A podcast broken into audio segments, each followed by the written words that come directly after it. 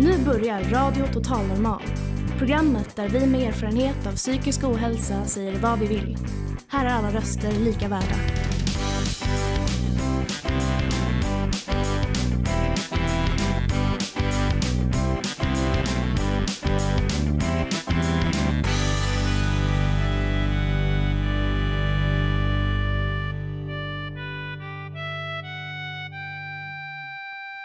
Hej och välkomna till Radio Total Normal. Programmet som görs av oss som vill skapa öppenhet kring psykisk ohälsa. Idag, denna första dag på året, sänder vi här i P4. Nyårsdagen är dagen som sätter det nya året i rullning men också manar till eftertanke. För det är dagen då allra flest självmord sker i Sverige. Många mår dåligt men vi tror att genom att börja prata om hur vi mår så kan vi skapa en lite bättre tillvaro för oss alla.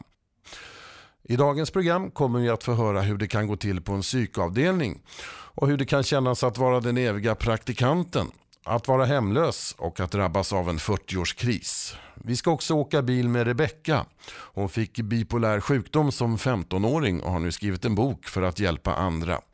Jag som är programledare heter Lars Wilhelmsson. Välkomna!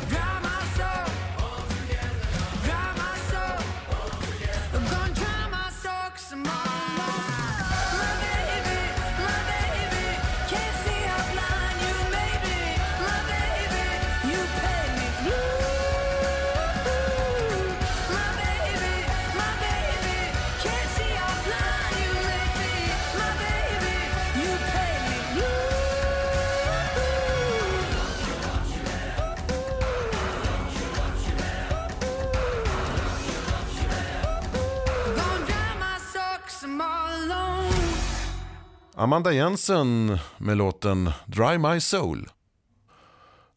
Du lyssnar på Radio Total Normal som i vanliga fall sänder i Stockholms närradio på frekvensen 101,1 MHz. Men idag på nyårsdagen så gästar vi P4. Hur går det till i den psykiatriska akutvården? Det kanske är något som de flesta inte vill undersöka närmare. Men för somliga händer det ändå att en dag så hamnar man där. Vi ska höra ett reportage av Tobias Torvid där han intervjuar Miss X, 20 år gammal, på hennes avdelning. Berätta om din månad här på, kan man kalla det för psykhuset? Ja, mentalsjukhuset, Hispan säger vissa patienter som säger smeknamn. Ehm, ja, min månad här den har eh, övergripande har det varit väldigt bra och positiv vård men eh, det har ju varit av de vårdarna som är nära inpå oss. Problemet har väl varit att kanske läkare och sådär, de träffar inte oss varje dag. De läser bara våra journaler och ibland känns det som att kommunikationen kan brista där. Och eh, till exempel när jag, när jag kom hit så kände jag mig lite förföljd. Vilket jag gjorde på riktigt för att det faktiskt var någon som var ute efter att hitta mig. Och då blev det lite missförstånd eftersom att de som jobbar här de tänker ju att eh, när de hör någonting sånt att man är liksom sjuk för att man är på ett mentalsjukhus att det är någonting man har hittat på. Men i mitt fall så var det ju så på riktigt och då är det viktigt att de, de kanske behöver lyssna mer och utreda mer vad som är sjukdom och vad som är på riktigt.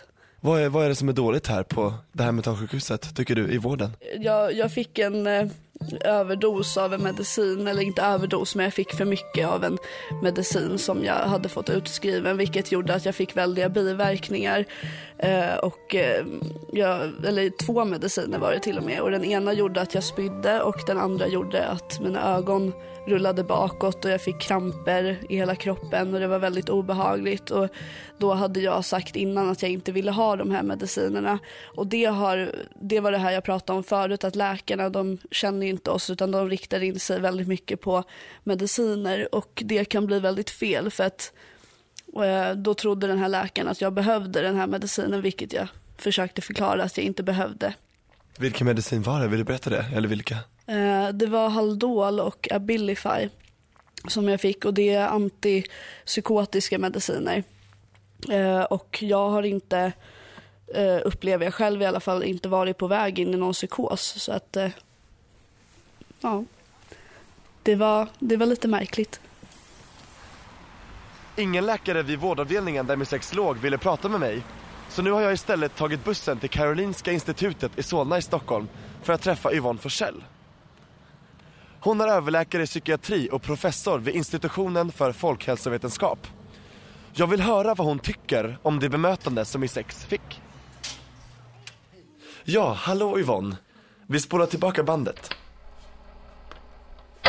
Vad tänker du efter att ha hört Miss X upplevelse? Mycket klar redogörelse. Och, jag, och mycket reflekterande. En klok person tycker jag. Hur vanligt är det här, det vi hörde om? Jag tror nog att upplevelsen är ganska vanlig. Inte bara inom psykiatrin men också inom kroppssjukvården när man ligger där i sin säng och de kommer och rusar förbi och, och lyssnar kanske inte riktigt vad man vill säga. Och ibland är det ju så, jag vet inte om ni själva har legat på sjukhus, men ibland är det så att man, man måste nästan planera, nästan skriva upp vad det är man ska säga för att man ska snabbt hinna få fram det och på det sättet. Och om man då mår dåligt, då är det ju svårt och då tar det tid. Förlitar man sig för mycket på medicinernas tillfrisknande förmåga i Sverige idag? Nej, jag tror nog det är egentligen ingen som tycker att vi har någon ideala antipsykotiska medicinerna. Och psykiatrins historia överhuvudtaget, om ni, ni kan ju säkert en del om historia, hur vi bar oss åt. Och jag tänker ibland att kanske kommer det om 50 år kommer de att titta på oss och säga, men hur bar de sig åt egentligen? När de gav de där drogerna, vad gjorde de? Då undrar jag så här Yvonne. Måste det se ut så här? Eller finns det något alternativ till hur psykiatrisk akutvård skulle kunna se ut? Ja, jag skulle säga som alla andra psykiatriker, mera personal. Jag tror ju inte, jag tror att det här med att man ska vara så effektiv, man kan säkert göra hjärtsjukvården jätteeffektiv med väldigt fina maskiner och eh, väldigt fin provtagning. Och, men så, det fungerar inte så i psykiatrin. Utan tiden behövs. Vi måste lära oss att se det och förstå att det här är, att det är människor. Det kan vara jag imorgon, det kan vara du idag.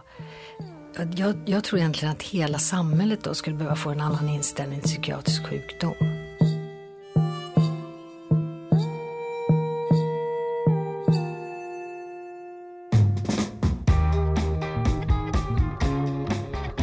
Du lyssnar på Radio Total Normal, i P4.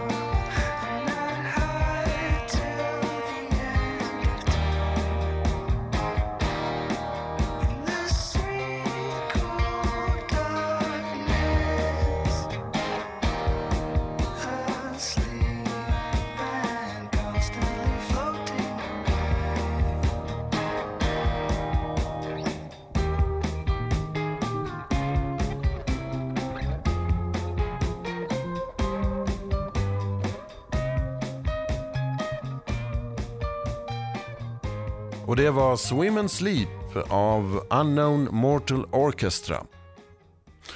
Nu när vintern och mörkret är här så går våra tankar kanske lite oftare till de som är hemlösa. Nu är det lätt att hasta förbi men vi vet ju att de finns där. Har du någon gång undrat över hur det känns att vara hemlös? Det vet Tengo Kilumanga.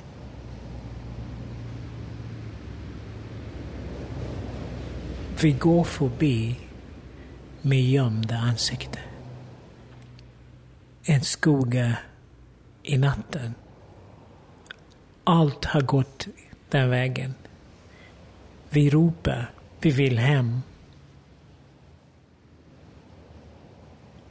Att vara utsatt i utanförskap, det är som att uh, vara ute och titta in. Eller så upplever jag. Och eh, det är inte vackert. Det är väldigt svårt. Man känner sig liksom att uh, man är ute själv. Det är svårt att berätta till andra. Man bor i källargången.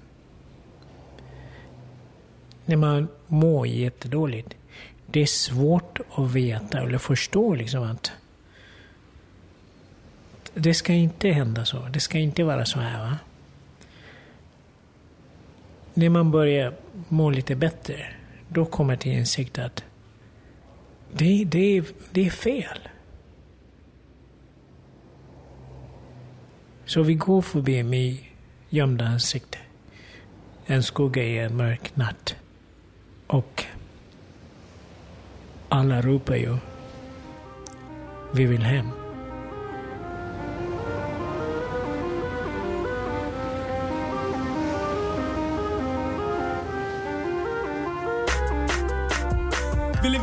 Farliga tider och bekämpar motvind som är fett överdriven. Tar varje dag som om vi vore den sista. Håller hårt i det som tänder vår gnista. Föräldern i vår själ är vårt livs elixir. Jobbar tjockhårt för att finna energi. Att lägga mig i sängen och vakna upp igen. Det är tillräckligt jobbigt att ta sig vägen hem. Men rädslan för ensamheten är ändå värre. Och vännerna runt omkring blir bara färre. Jobbet läge säger vissa. Fortsätter dissa. Lever livet galet, jag har stått där och missat. Chanser jag har fått men försöker ta mig ur. Jobbar hårdare nu för snart är det min tur. Varit där, sett det där, levt det där. Och jag svär kompisen med mig långt bort från misär. För tänk att bara, bara, bara, bara få vara jag. Bara, bara, bara, bara, bara få vara barn. Tänk att bara, bara, bara, bara få vara barn. Tänk att bara få vara barn för en dag, ja. Jag tänker tillbaka på 1997, på hur livet var då. Hur det är nu, ingenting är detsamma. Jag saknar min mamma för världen var lättare. I en samma nu, cash bara knas i världen i stort. Samma för polarna som undrar vad de har gjort för att förtjäna att inte tjäna någonting. Så vi drar inte city, vi gör ingenting. Det är det enda som är gratis i världen. Förutan det nere så finns inget värde. Jag tar det tillbaka till barnsben Men vän. Det var lättare då. Även utan en spänn, utan depression, ångest och medvetenhet. Krav, ideal, fett för falskhet. Kanske är det jag som aldrig förstår. Men känslan är kvar, jag vill tillbaks till igår. För tänk att bara, bara, bara, bara få vara jag. Bara, bara, bara, bara, bara få vara barn. Tänk att bara, bara, bara, bara få vara barn. Tänk att bara få vara barn för en dag, ja. Vässa mina klor, vänta på den rätta stunden. Jag putsar mina skor like att den döda hunden tar en flaska till i hopp om att allting ska bli bra. Du skriker stopp, stopp, men då lyssnar inte jag. För jag snor tar åt mig äran precis som överheten. Det spelar ingen roll för ingen vet vad ni heter. Med sorg i våra hjärtan så bidar vi vår tid. Vi går igenom smärtan i hopp om att få frid. Oh, hat till industrin som pressar våran tid. Vi förbereder oss med fruktan för våra liv. Overkligt perspektiv från en överdriven media. Det är klart att det blir så när våran gud är Wikipedia. Upp med fingret mot dem som fryser ut och svaga. Vi går med tomma magar, förväntas aldrig klaga. För hjälp finns att få om du är tillräckligt på. Men den ribban är satt så att den aldrig går att nå. Ja, tänk att, tänk att, tänk att få vara barn. Tänk att, tänk att, tänk att få vara barn. Tänk att, tänk att, tänk att få vara barn. Tänk att bara få vara barn för en dag. Ja, tänk att bara, bara, bara, bara få vara jag. Bara, bara, bara, bara, bara få vara barn. Tänk att bara, bara, bara, bara få vara barn. Tänk att bara få vara barn för en dag. Ja. Ja,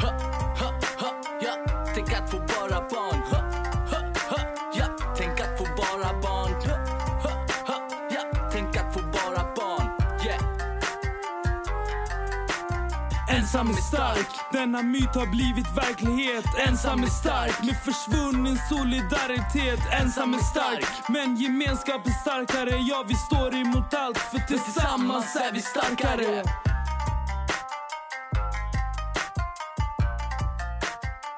Ni hörde låten Tänk att få vara barn.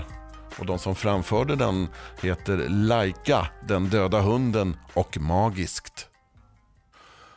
Många som hamnat utanför arbetsmarknaden på grund av psykisk ohälsa blir erbjudna praktik. Jasmine praktiserade ett tag i en blomsterbutik. Vi hör henne i ett reportage av Alexandra. Ja, det enda som nog kommer leda till det jobb jag vill ha är eh, kassavanan jag har fått. Liksom, som jag fick be om och ja, tjafsa om först, men sen till sist fick jag det. Så, men annars vill jag inte jobba i blomsterbutik. Liksom. Men ja, man, det är väl erfarenheten liksom, som jag är ute efter mer. Jag reagerar på tiden, för jag tycker liksom att, liksom, vad, vad blev det, tre månader? Man kanske inte behöver så lång tid på sig.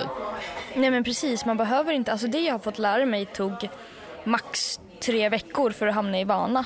Så ja, att tre, må- säga tre månader, det är ganska uppenbart de, varför de vill ha mig där och inte för att lära mig. Jasmine får 3 800 kronor i månaden från Försäkringskassan för sitt heltidsjobb. Det blir 25 kronor i timmen, men hon förväntas jobba lika hårt som de andra i butiken. Och arbetsförmedlaren, ja honom har hon inte längre så mycket kontakt med. Alltså det grejen är, de kollar inte arbetsplatsen först. De går inte dit personligen och kontrollerar att det här är en bra arbetsplats. Hon, kom, hon han, det kommer inte råka illa ut. Eh, hon kommer inte må dåligt kanske, eller ja, det får man ju se och sånt. Utan de bara, ja men hon har hittat ett, vad bra. Ja men då skickar vi ut henne. Och kollar inte mer. De kollar inte ens liksom, mår du bra där? Flera som jag har pratat med känner sig utnyttjade på sina praktikplatser. Jag själv har idag sjukersättning, men i min ungdom praktiserade jag på fem olika ställen. Efter att ha blivit klar med en praktik på en lunchrestaurang blev jag erbjuden en ny inom samma bransch, för att jag hade erfarenhet. Men är inte risken då att jag bara blir gratis arbetskraft? Den frågan tog jag med mig till Jessica Polfjärd, moderat och ordförande i arbetsmarknadsutskottet.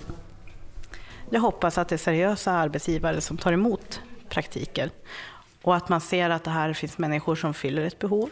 Vi har sett att eh, många gånger så rekryterar man kanske inte via Arbetsförmedlingen utan man rekryterar de som finns i närheten och de som man har provat om de fungerar och de som kan arbetet. Att det finns en enkelhet i att ändå rekrytera människor som man har haft i sin verksamhet. Skulle man kunna göra någonting från politiskt håll, eh, tänker du, när det gäller det här med att eh, se till att systemet inte utnyttjas som det görs idag? Det finns säkert, vi har ju inte kunnat utvärdera allting än, utan att vi har sett att det är kanske lite för tidigt för att utvärdera. Och är det sånt som framkommer, då måste vi naturligtvis titta lite extra på det. Jag blir bara lite tveksam, lite för tidigt. Alltså, jag har förstått det som att praktikplatser har funnits i, i olika former, alltså att man har hållit på så här sedan 90-talet, att, man har, att det har varit vanligt med praktikplatser. Då har det väl funnits rätt länge, tänker jag. Jag, jag hoppas att eh, arbetsgivare tar sitt ansvar och att man faktiskt anställer människor om man har ett behov av att anställa. Och att man då anställer människor som faktiskt har funnits i, i praktik. Men att gå från praktikplats till praktikplats, det är naturligtvis ingen långsiktig lösning. Och det är inte en typ, den typen av försörjning blir ju ja, inte långsiktigt hållbar. Ja, det blev inget rakt svar från Jessica Polfjärd huruvida det funnits tid att utvärdera systemet. Och hur är det med jobb då? Arbetslösheten för unga ligger på drygt 20 procent och andelen unga med psykiska funktionshinder bland de arbetslösa har ökat markant. De här personerna får kanske inte jobb, men de kan få praktikplatser och jobba ändå, fast utan att få lön. Jasmine slutade i blomsterbutiken och fixade en annan praktikplats själv. Och hon är besviken på den hjälp hon har fått för att komma närmare arbetsmarknaden. Mina handledare brukar ju typ lägga det mellan raderna. Alltså, ja, men du ska ju vara glad över det här. Ja, men jag är glad att jag har en praktikplats men det betyder inte att jag ska liksom, någon ska trycka ner skit i min hals och jag ska liksom nicka och vara glad och le åt det. Det är liksom så här man kan göra det så mycket bättre. Radio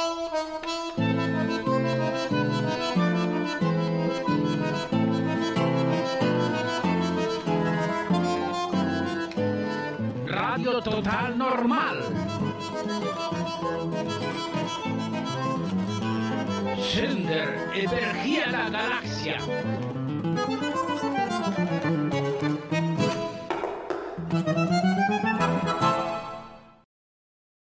En kris är något som de flesta stöter på någon gång i livet. Marko Sarikoski har drabbats av en som de många kan känna igen sig i. Att tala om 40-årskris idag kan te sig banalt. Dock kan det bli svårt när man övergår i ålder till en annan fas. Så länge ens psykosociala tillvaro var något sånär normalt som det var i gymnasiet var det bra. Men sedan kom katastrofen. Bang, sade det. Omedelbart efter studenten insåg jag till min fasa jag var mål alena i mitt liv med mina problem.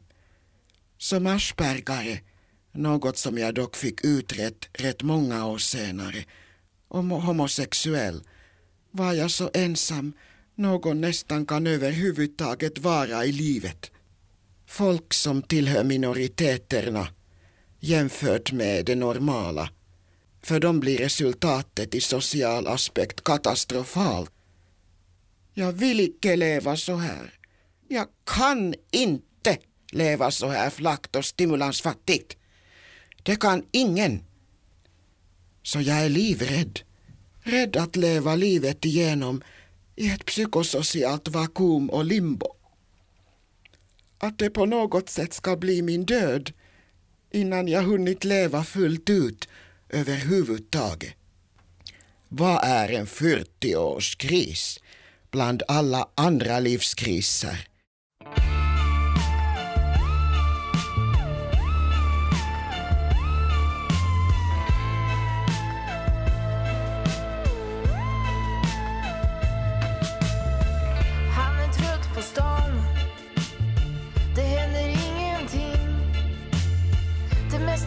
Sig likt här runt omkring. Veckan kryper fram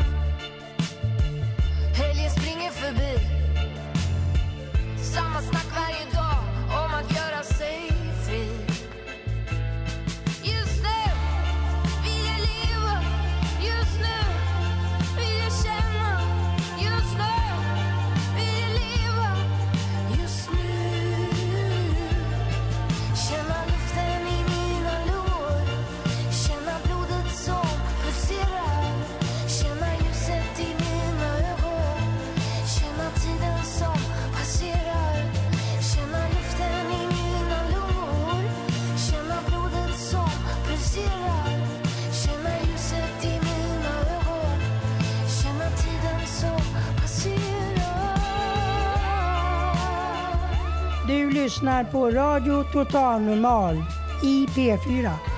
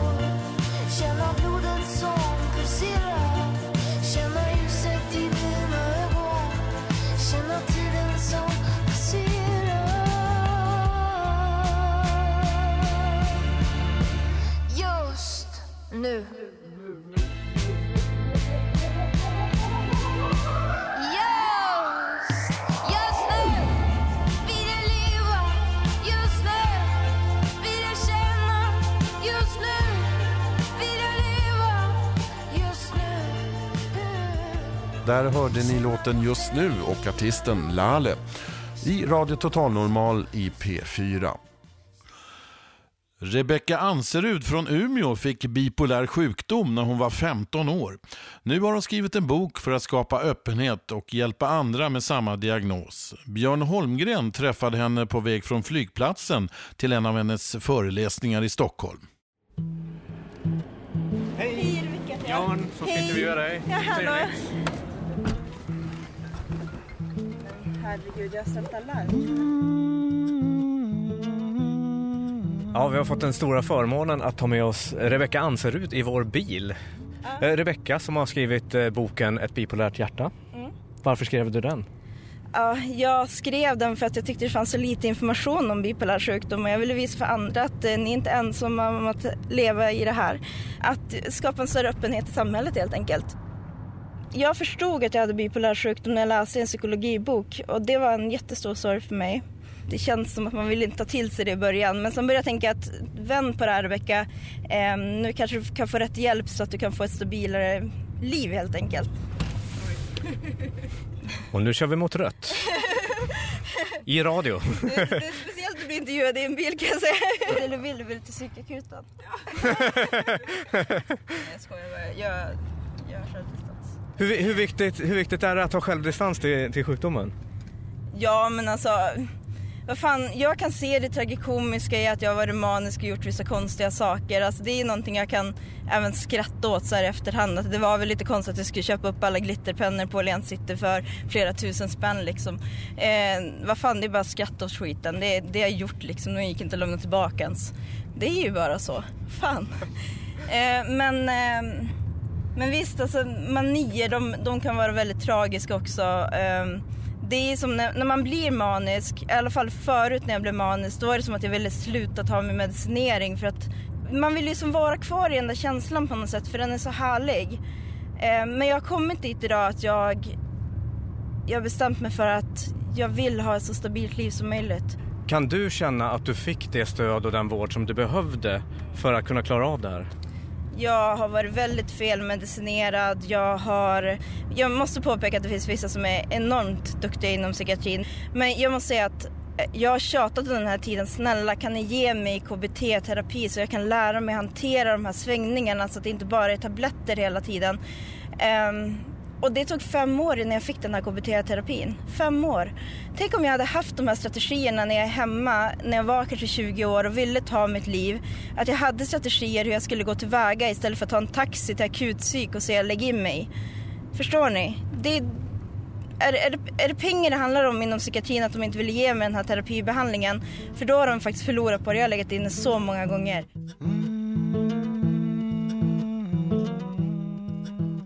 Jag kommer ihåg eh, en kväll då hade jag, jag var väl runt 20 år och jag, var, jag bodde själv och jag hade tänkt så här att jag var väldigt deprimerad och kände inget hopp längre så jag hade tänkt att hänga mig. Eh, jag tänkte att, men Rebecka packa packar nu, jag ska gå nu till psykiatrin och, och lägga in det. Det var mitt i natten och jag går där i jätte det var jättekallt ute och jag går där med min väska som jag hade packat för jag tänkte nu ska jag bli inlagd på psykiatrin och, och rädd, rädda det här liksom, ge det en chans. Det slutade med att jag som 20-åring, jättedeprimerad, fick sitta och förhandla mig till en inläggning. Och det är helt, det är helt bisarrt. Jag önskar att psykiatrin såg helt annorlunda ut. Jag vet inte hur många gånger jag har fått legat utanför expeditionen i korridoren på, på psykiatriska avdelningar för det är så överbelastat. Eh, och det är så stor personalbrist att, det, att patienterna hjälper patienterna. Det här har du tagit upp med vårdpersonalen? Jag har tagit upp det där med eh, verksamhetschefen på psykiatrin och jag har tagit upp det med diverse personal inom psykiatrin och eh, det känns som att jag även skrivit debattartikel om det här. Och eh, jag, det är som att de kommer ingen vart i det där. Jag, jag blir bara ledsen eh, faktiskt eh, att det ska se ut så. Är man så fruktansvärt sjuk så att man läggs in på en sluten avdelning då ska det finnas stöd, hjälp och resurser. Det ska finnas stöd där. Mm.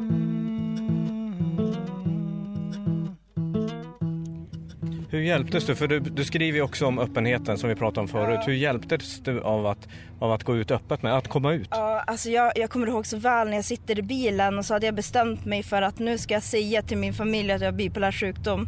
Sitter jag där med min familj och räknar till tre och så säger jag att ja, jag har bipolär sjukdom. Och när jag just säger det då är det som att en tyngd försvinner från mina axlar och jag, eh, jag märker att de vänder sig om och kollar på mig att tack för att du säger det, nu förstår vi dig bättre.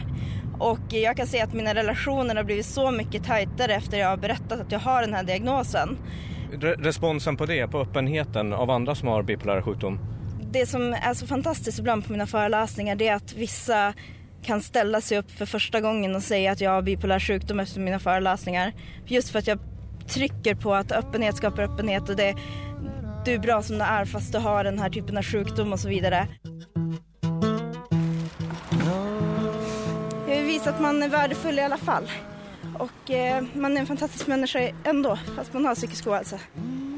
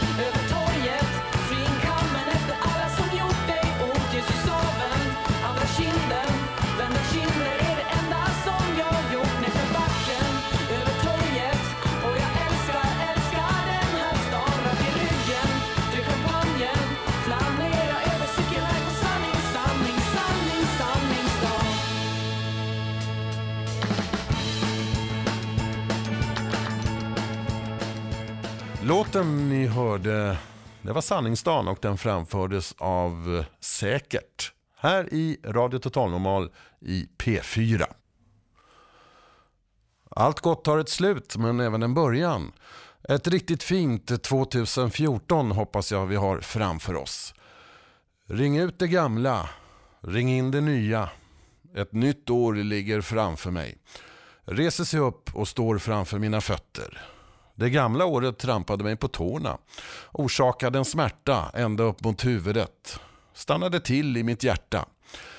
Det gamla året har lagt sig nu, lämnade efter sig en smärta.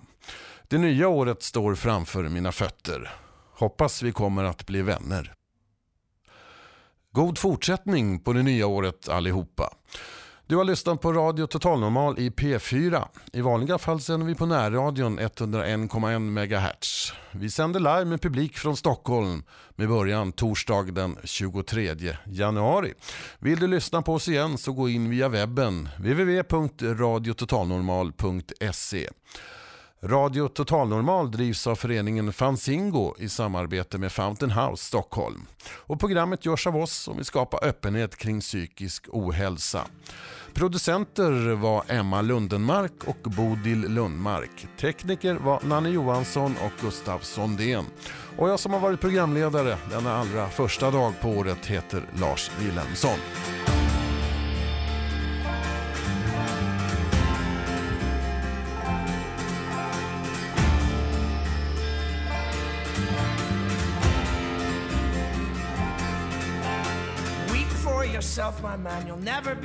What is in your heart. Weep, little lion man. You're not as brave as you were at the start. Rate yourself and rake yourself. Take all the courage you have left. And waste it on fixing all the problems that you made in your own head. But it was not your fault but mine and it was your heart on the line. I really fucked it up this time, didn't I, my dear? Didn't I, my